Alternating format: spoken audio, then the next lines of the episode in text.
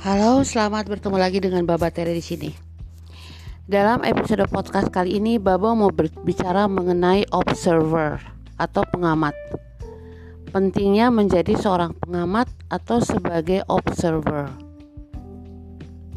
Ini adalah salah satu pencerahan dari tapa berata yang saya lakukan dalam bulan ini setelah perjalanan aktivasi portal di Gunung Lawu dan di Bali. Jadi misi berikutnya adalah puasa selama 30 hari. Dan semesta itu memperkenalkan saya dengan sebuah grup. Saya sebutnya grup Cibaduyut ya. Grup yang terdiri dari anak-anak muda yang mereka itu mempunyai spiritualitas yang bersifat kosmologis menarik sekali. Mereka melakukan meditasi secara teratur dan mereka itu melakukan aktivasi pineal gland dengan cara mereka sendiri, sesuatu yang bersifat sangat tradisional.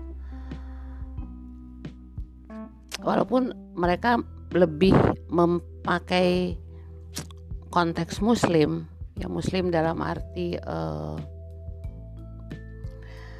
muslim yang berbeda dengan apa yang saya selama ini ketahui alami. Tetapi konteks muslimnya saya pelajari secara saintifik.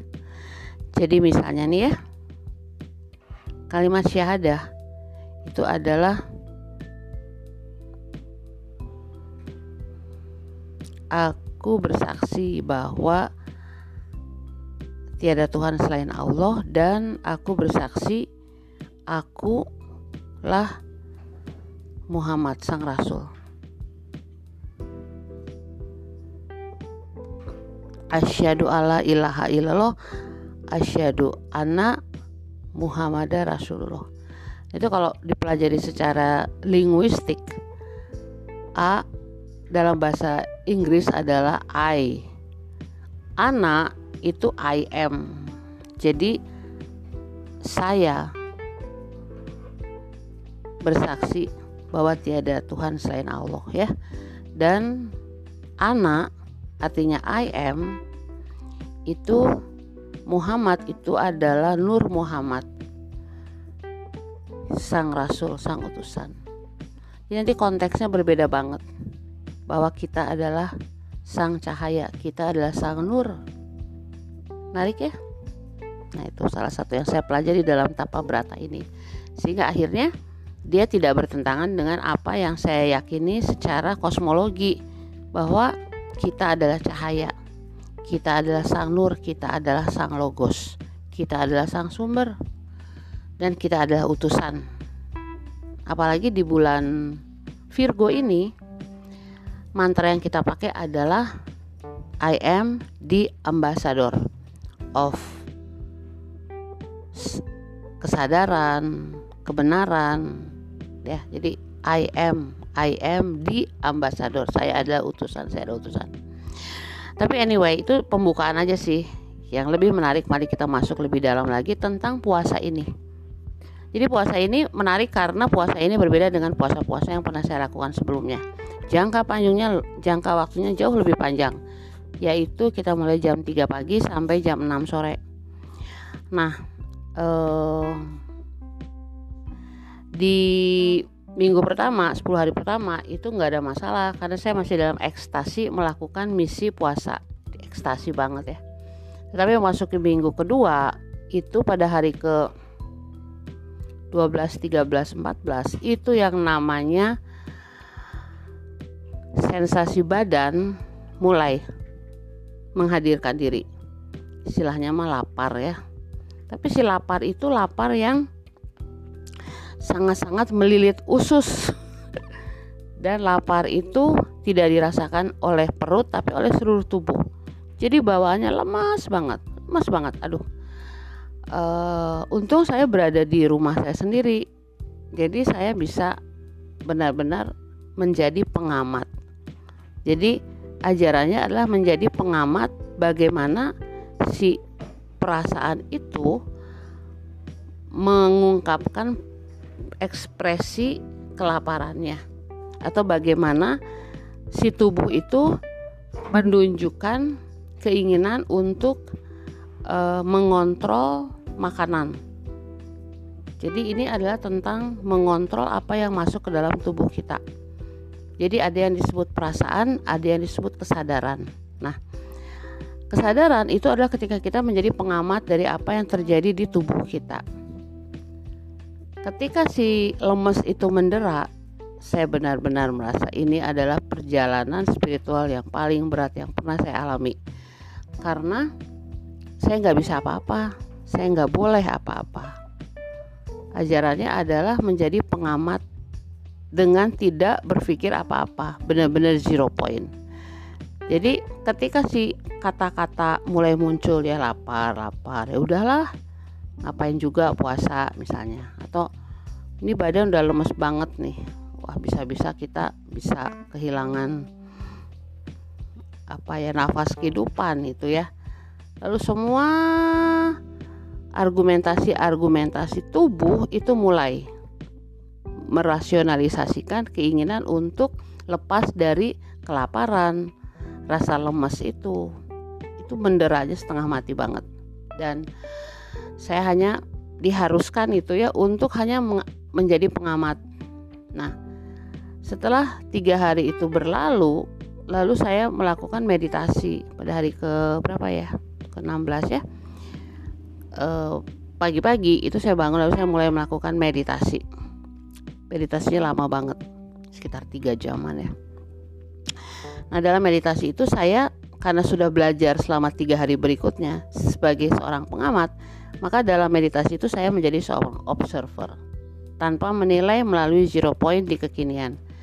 Lalu yang terjadi adalah dalam meditasi itu image-image tentang gudang, tentang rumah yang penuh dengan perabotan, tentang kota yang penuh dengan gedung-gedung e, rusak, lama, yang sudah tidak dihuni lagi, kegelapan di suatu tempat yang penuh dengan rongsok, ya itu datang bergantian, seperti monitor TV yang bergantian terus menerus dan saya terus memperhatikan tanpa mengantisipasi apa yang akan terjadi selanjutnya jadi melihat. Memang ada satu poin di ketika saya bilang kenapa gelap banget ini ya? Kok gelap banget itu gelap banget. Lalu setelah lama gitu ya tiba-tiba si ruangan itu mulai kosong lalu mulai ada image ruangan yang bersih. Ada beberapa perabot tapi ruangannya bersih gitu. Saya saya langsung melihat sebagai observer saya lihat hmm, prosesnya gini. Nah yang berikutnya sangat-sangat mengagetkan karena tiba-tiba ada semacam pusaran energi dari cakra pertama. Itu yang lalu mengambil semua kegelapan-kegelapan yang ada rongsok-rongsok rumah-rumah tua, bangunan-bangunan tua itu semua ditarik menjadi suatu vortex kegelapan. Sangat-sangat gelap dan sangat-sangat berat.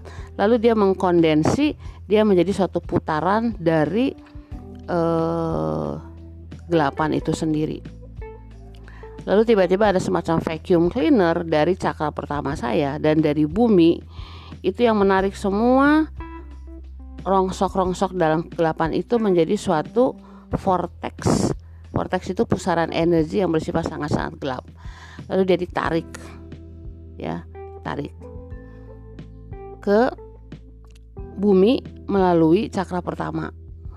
Nah, lalu saya tahu bahwa di bumi itu ada yang disebut sebagai daur ulang atau recycle bin. Daur ulang energi. Dan di situ si energi itu akan dimurnikan. Karena kita nggak bisa membuang energi kita nggak bisa membuang memori-memori yang berupa energi yang pernah kita lewati dalam pembicaraan dengan para uh, pendamping saya dalam tapa berata itu mereka mengatakan bahwa itu adalah kumpulan energi dari akumulasi yang terjadi di malam-malam gelap jiwa. Saya melewati malam-malam gelap jiwa lama banget ya, sangat-sangat lama. Jadi dia bilang kalau misalnya itu tidak didaur ulang ke dalam bumi, maka suatu saat si gelap-gelap jiwa itu akan kembali lagi dan lebih powerful karena belum dimurnikan oleh sesuatu yang jauh lebih besar, sesuatu yang jauh lebih murni yaitu bumi. Hah, saya lega, lega banget. Lalu akhirnya dalam meditasi itu saya mulai melihat kekosongan, semacam kekosongan yang lalu saya ekspansikan melewati kubus-kubus sampai akhirnya kekosongan itu ada di bumi, ada di atas bumi ya, bumi seperti itu. Dan saya bersyukur banget. Pertama bersyukur karena ada yang ngajarin sih, ada yang ngasih tahu apa itu karena mereka sudah melewatinya, itu yang pertama sih. Yang kedua, saya bersyukur karena ternyata eh, sebagai observer itu nggak ada yang harus kita takutkan karena kita hanya nonton kok kita hanya nonton seperti nonton TV kehidupan kita dan sama sekali nggak ada yang menakutkan. Jadi si vortex kegelapan itu nggak akan menarik kita nggak akan. Vortex kegelapan itu tahu memilah-milah. Ya, sang sumber sang bumi itu tahu memilah-milah mana yang harus di recycle mana yang harus didaur ulang mana yang harus dimunculkan eh, dalam tingkat kesadaran. Nah, jadi pembelajaran kedua yang saya yang saya alami selain menjadi observer adalah membedakan antara apa yang disebut perasaan, apa yang disebut kesadaran. Ya. Kalau kita tidak sadar, maka kita membiarkan perasaan itu mengontrol kita. Entah itu rasa lapar, rasa lemes, entah itu rasa putus asa, entah itu rasa ketidakberdayaan itu karena kok gelap banget gitu ya. Tetapi karena kita sebagai observer dan tidak menilai, tidak menghakimi, yang kita lihat hanya menyaksikan. Nah, ketika menyaksikan, lalu kita melihat sesi perasaan-perasaan itu mulai ingin mengontrol kita melalui tubuh, melalui eh, rasionalisasi-rasionalisasi pikiran-pikiran kita maka kita tidak melakukan analisa apa pun terhadap perasaan-perasaan itu. Kita melihatnya dari zero point, dari titik netral. Dan eh, nggak uh, ada yang harus diubah, nggak ada yang harus diperbaiki. Kita biarkan semuanya lewat. Nah, jadi si vortex kegelapan itu sekarang masih diolah oleh ibu bumi. Kita nggak bisa menentukan kapan-kapan kapannya sih, tapi kita tahu bahwa dia sedang diolah. Dan dan semua yang terjadi dalam meditasi itu tidak dibuat oleh pikiran saya karena kan saya duduk dalam posisi observer.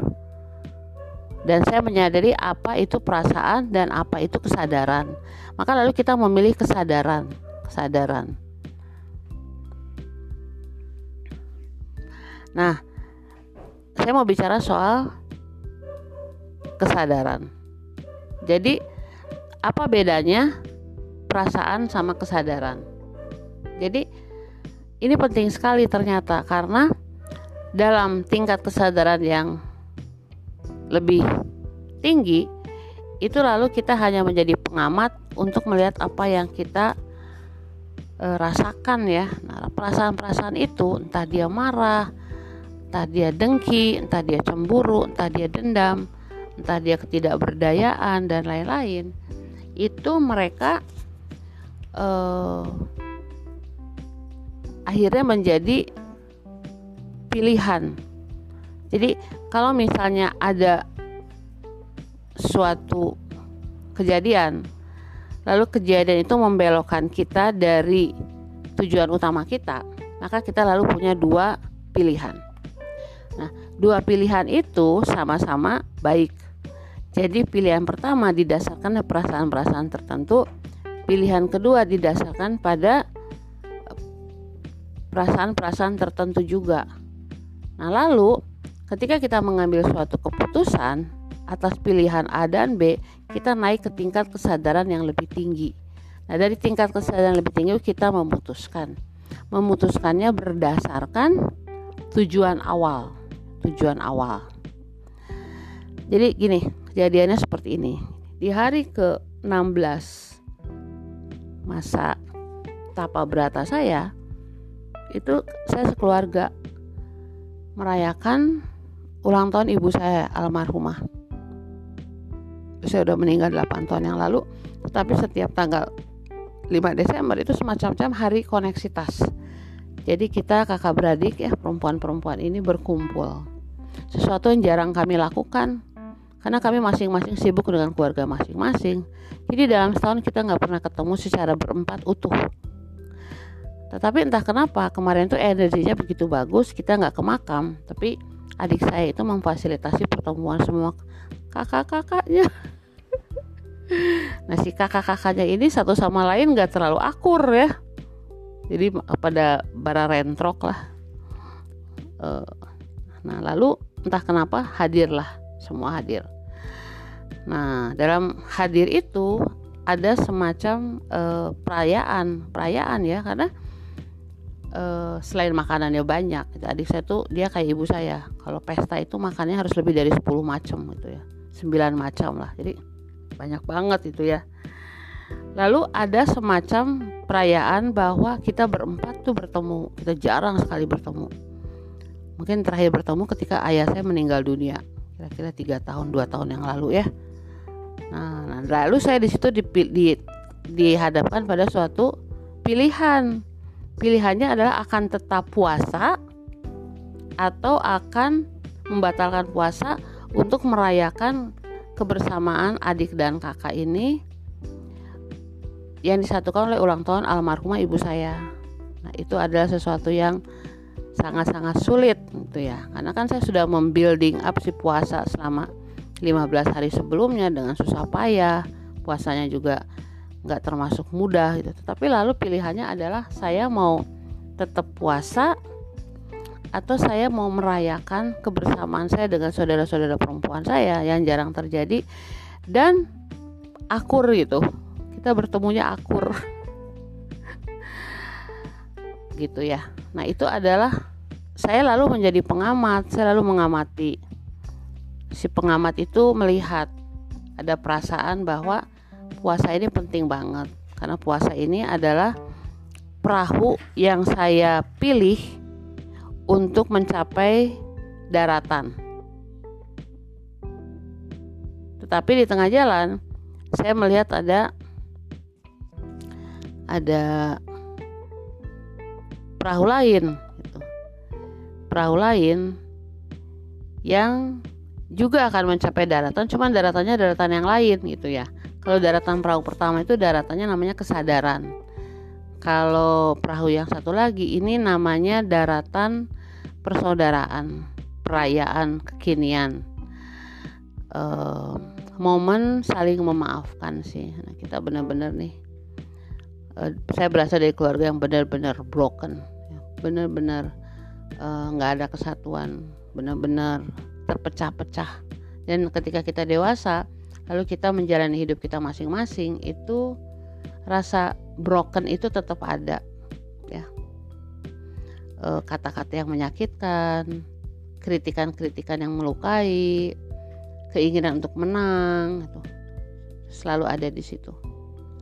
Dan saya menjadi bagian dari itu juga gitu ya. Ada satu momen di mana ketika saya duduk lalu kakak saya mulai mengkritik mengkritik cara pikir saya lalu untuk pertama kalinya ya saya bilang gini sama kakak saya. Oh itu mah pendapat lu. Gue udah punya pola pikir sendiri. Ah gue pakai pola pikir sendiri aja deh gitu. Nah itu untuk pertama kali saya lakukan. Nah ketika saya obrolin sama para pendamping saya mereka mengatakan bahwa salah satu hal yang paling penting dalam mencapai tingkat kesadaran yang tinggi adalah kita harus membunuh perasaan tidak enak, tidak nyaman, lalu mengatakan kebenaran. Itu untuk pertama kali saya lakukan di hadapan kakak saya. Lalu ada rasa lega wah akhirnya setelah berapa puluh tahun ya, akhirnya bisa nih eh, apa namanya menantang dalam tanda petik apa yang kakak selalu kakak saya selalu anggap sebagai sesuatu yang benar gitu ya. Nah kita adik-adik itu nggak berani sama dia.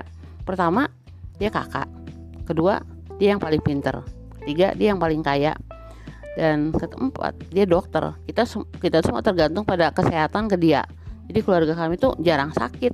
Karena sakit sedikit langsung ke dia sama dia diperiksa lalu kita selalu sehat itu jadi kita merasa ada suatu ketergantungan terhadap dia. Tetapi hari itu entah kenapa saya berani mengungkapkan dengan cara yang sangat-sangat zero point sih. Cuma bilang enggak ah itu pendapat lu. Gue juga punya pendapat sendiri. Kayaknya gue pakai pendapat gue deh kali ini gitu ya lalu saya menghindar. Kedua adik saya udah pindah tempat dari tadi tuh. Mereka juga menghindari. Anyway itu. Jadi pembelajaran tapa berata kemarin itu pembelajaran yang sangat-sangat real. Pertama ada pilihan. Pilihannya berdasarkan perasaan. Lalu kita tidak bisa memilih salah satu perasaan itu tanpa mengingat tujuan utama dari perahu yang kita pakai itu loh. Ya, itu ya itu yang pertama. Yang kedua bahwa pada saat kita ingin naik pada tingkat kesadaran yang tinggi itu kita harus dalam tanda petik membunuh si perasaan itu. Sehingga akhirnya si perasaan itu dia tidak hidup. Nah ini teh digambarkan oleh para pendamping saya dalam cerita. Jadi ceritanya tuh kalau nggak salah tuh gini. Lupa nabinya nabi siapa gitu ya sosok lupa. Tapi si nabi ini dia disuruh membunuh anaknya yang waktu kecil. Jadi eh, dia bertanya pada nabi senior kenapa kok dia harus membunuh anak itu? Gitu. Anak itu kan nggak bersalah gitu ya. lalu eh, penjelasannya adalah bahwa anak itu adalah ego kita. Ketika anak itu masih kecil lucu memang. Tetapi ketika anak itu udah dewasa seperti yang Nabi senior katakan kepada Nabi junior itu bahwa anak itu akan membunuh kamu. Dan benar ketika si ego yang kecil ini ya egosentrik ya aku bilang egosentrik lah bukan ego tapi egosentrik kita itu dia kecil memang dia lucu tapi setelah dia dewasa lalu dia mulai menguasai seluruh pikiran perasaan dan perilaku kita. Dan dia membunuh jiwa kita. Maka sebelum dia besar bunuhlah. Ya pembelajarannya seperti itu. Jadi teman-teman ini adalah hal-hal yang pola pikir lain yang saya ketahui. Cuman agak berbeda dengan pendekatan yang saya ajarkan selama ini.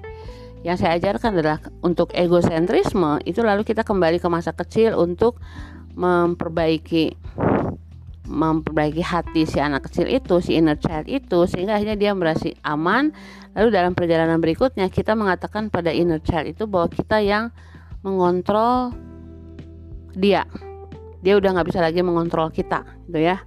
Tetapi dalam konteks kenabian ini ternyata ajarannya adalah bunuh si egosentrik itu supaya dia tidak membesar nah ini dia saya harus ber eh, damai dengan kata membunuh karena dalam konteks kata membunuh itu perasaan kekerasan ya suatu yang bertentangan dengan cinta kasih.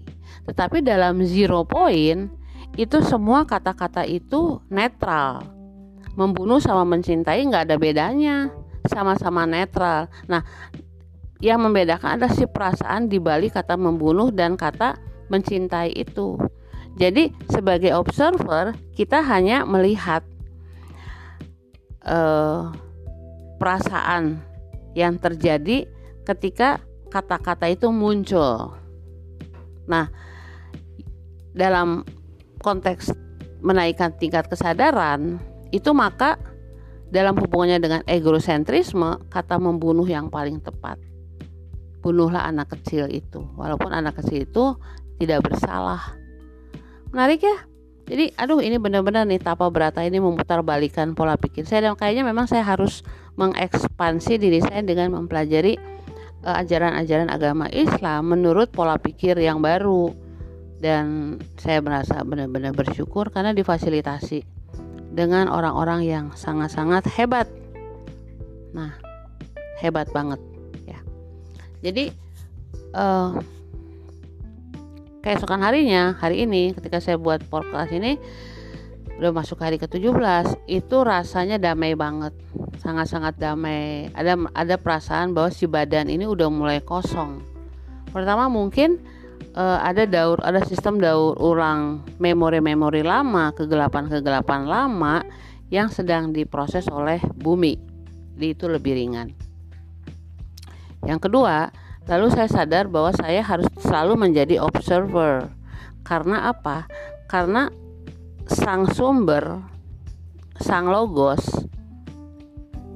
Tuhan itu adalah sang pengamat.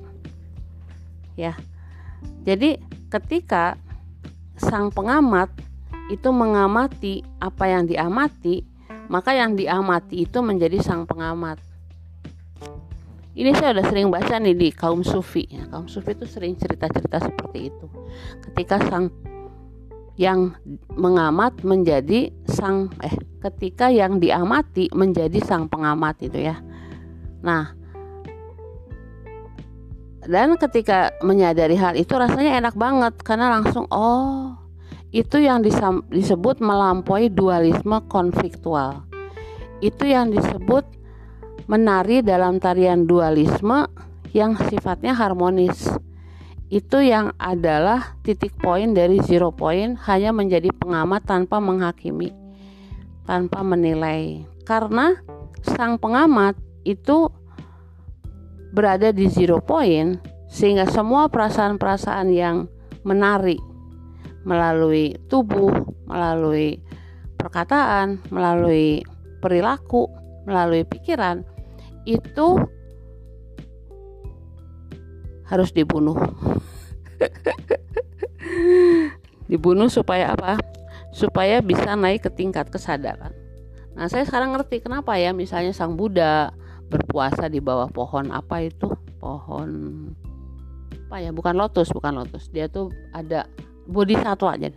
Jadi dia tuh berpuasa di pohon bodhisatwa atau dia berpuasa di gua-gua lalu banyak bidadari bidadari cantik yang mengganggu dia atau dia pernah tiba pada satu poin ketika dia melepaskan semua baju-bajunya dan dia bertelanjang dalam hal mengajar. Pada waktu itu sang Buddha kehilangan banyak sekali murid-muridnya. Karena murid-muridnya ingin punya guru yang bersahaja, berpakaian bersahaja, yang berjalan bersahaja, mengajar bersahaja, berwibawa, bermartabat. Tetapi akhirnya sang Buddha melepaskan semua itu lalu dia nggak memikirkan tubuhnya ya rambutnya sembarangan nggak di nggak diindahkan terus pakaiannya juga seadanya banget malah nggak mandi. Ya keliling-keliling kampung mengajar itu dia kehilangan banyak sekali murid-murid yang punya konteks tentang apa yang seorang guru harus lakukan. Tetapi dalam proses pencerahannya di bawah pohon bodhisatwa lalu dia menyadari. Dia menyadari. Kesadaran itu disebut Buddha atau pencerahan keren ya keren banget atau seperti uh, lah saya mesti nanya sama para guru saya ini uh, apa yang merupakan jembatan antara Nabi Muhammad sebagai person di Arab dengan Nur Muhammad sebagai uh, entitas cahaya. Proses pencerahannya itu sangat-sangat indah. Walaupun akhirnya seperti semua agama besar lainnya ketika diinstitusionalisasikan lalu dia menjadi sesuatu yang bersifat hierarki. Nah, ini dia. Memang ada menurut guru-guru saya ada dua cara sih. Ada cara yang bersifat e, lama jadi proses ya belajar belajar belajar belajar belajar bertahun-tahun. Tapi ada juga proses yang mencapai tingkat kesadaran dengan waktu yang relatif cepat pada saat jiwa sudah siap intinya sama sih semuanya ingin menjadi cahaya. Begitu ya teman-teman.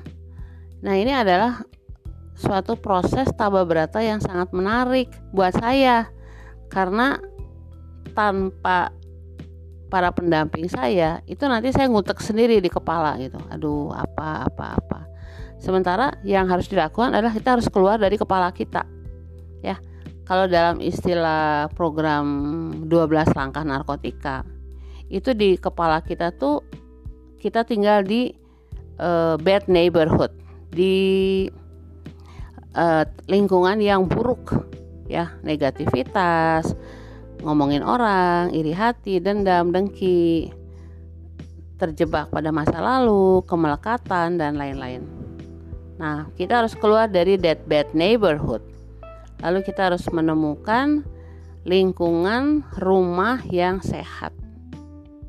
Nah itu seperti itu ya. Ini suatu proses proses untuk menyadari kita harus keluar dari hal yang buruk memilih cahaya. Yang menarik adalah pada tingkat kesadaran tertentu itu bukan kita yang melakukan. Seperti trilogi dalang wayang dan penanggap wayang. Jadi antara dalang dan wayang, si dalang itu hanya menceritakan tentang apa yang udah ada dalam dirinya diekspresikan melalui gerak-gerakan sang wayang. Ya, pada dasarnya dalang dan wayang itu satu. Nah, tetapi ada yang ngatur si dalang dan wayang itu. Yang ngatur adalah si penanggap dalang, dayang, eh, wayang, si penanggap wayang. Nah, dia itu namanya semesta dia punya agenda itu kadang-kadang kita nggak tahu. Jadi kita cuma ngikutin dia. Jadi kalau si agenda semesta itu melihat dia juga observer sih. Dia observer yang netral dia nggak menghakimi. Dia nggak menghakimi ketika perang terjadi atas nama apa pun juga lalu banyak orang yang mati dia nggak menanggapi. Dia juga nggak menanggapi ketika seorang yang dianggap kudus memberi makan banyak orang memberikan pemakaman yang layak bagi orang-orang miskin dia juga nggak menanggapi. Dia nggak menanggapi ketika seorang bilioner memberikan uh, apa namanya um, sumbangan yang besar menemukan vaksin untuk mem memvaksinkan orang-orang di Afrika atau di India. Ya si penanggap daya dalam wayang itu dia nggak nggak dia zero point dia hanya mengamati. Dia hanya mengamati. Nah tetapi dalam proses mengamati lalu dia melihat apa yang harus dilakukan memfasilitasi untuk menaikkan tingkat kesadaran. Gitu. Jadi saya nanya sama para pendamping saya. Saya bilang kayaknya perasaan eh, konsep puasa 30 hari itu nggak pernah ada sebelum saya menginjakan kaki saya kembali di Bandung setelah aktivasi portal gitu. Saya ngerasa kalau si penanggap daya wayang ini lagi usil gitu. Ah, udah aja lah si Baba mah suruh puasa gitu. Terus uh, dalam diskusi berikutnya itu saya menyadari bahwa semesta itu terlalu sayang sama kita terlalu mencintai kita. Si energi cinta yang begitu besar dia tuh hanya ingin memfasilitasi. Dan dia tahu apa yang harus difasilitasi itu loh. Kayak aduh. Nah tergantung pada frekuensi vibrasi kita. Apakah kita ini orangnya pasrah surrender ikhlas tulus kosong.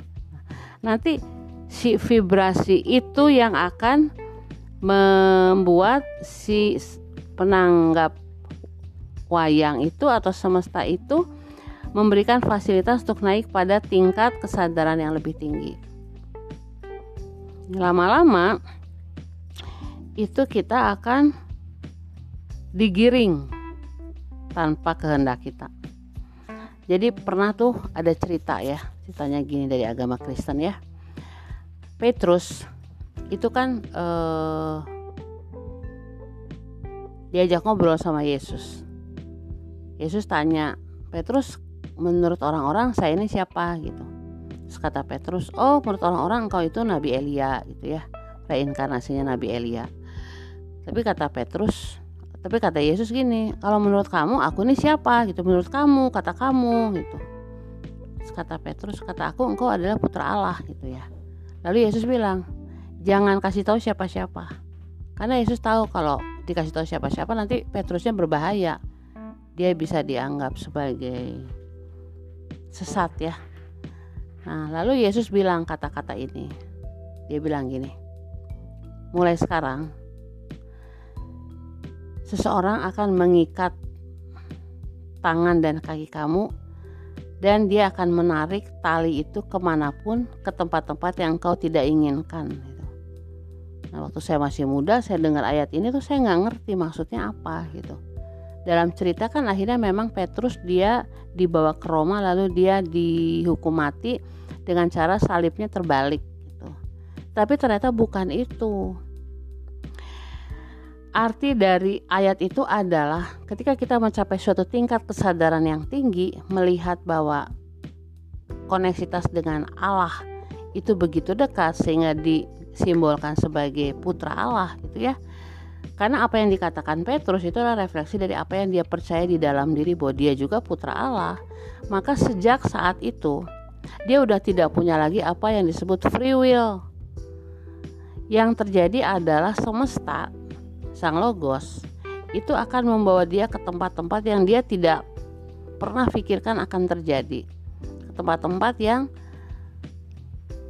harus menjadi tempat tujuan kesadaran berikutnya. Di situ tuh.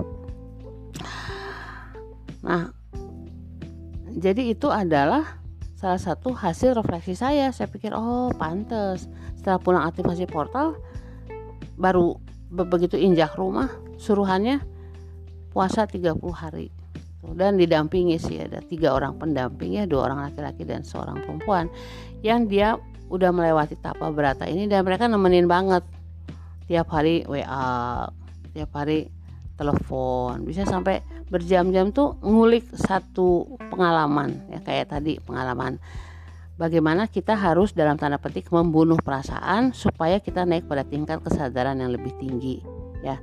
Mungkin dalam bahasa baba itu adalah bagaimana kita harus meninggalkan pola-pola pikir institusi yang sangat kategoris baik atau buruk benar atau salah. Itu pada uh, tingkat hmm, kesadaran. Nah, ya jadi sebenarnya sama sih cuma istilahnya yang berbeda. Dan itu menarik. Saya bersyukur banget dapat misi ini. Oke teman-teman. Jadi itu pengalaman saya dan mudah-mudahan ini membantu teman-teman juga ya bahwa kita dalam perjalanan itu nggak bisa stuck di satu tingkat kesadaran. Kita harus terus menerus mencari sesuatu yang jauh lebih tinggi, lebih luas, lebih dalam, lebih ekspansif, lebih evolusif dan kita itu akan diikat oleh tali ya tali semesta. Dan kita akan dibawa ke tempat-tempat yang menurut semesta itu adalah next misi misi berikutnya. Menarik ya So, sampai sini saja podcast ini. Saya akan terus berbagi melalui podcast dan siapa pun yang connect secara vibrasi mungkin akan mempelajari sehingga akhirnya ketika itu terjadi lalu tahu bahwa kita bukan orang pertama dalam proses mencari pencerahan dan kita bergabung dengan orang-orang yang sudah melewatinya terlebih dahulu untuk terus menapaki jalan spiritual, meninggalkan malam-malam gelap jiwa kita, membiarkan malam-malam gelap jiwa itu di recycle oleh semesta, lalu kita masak masuk pada suatu ruang. Nah, ruang itu udah nggak gelap, udah nggak bercahaya. Ruang itu adalah ruang. Nah, salah satu hal yang akhirnya menjadi uh, puncak kesadaran di hari di awal hari ke-17 ini adalah suatu puisi.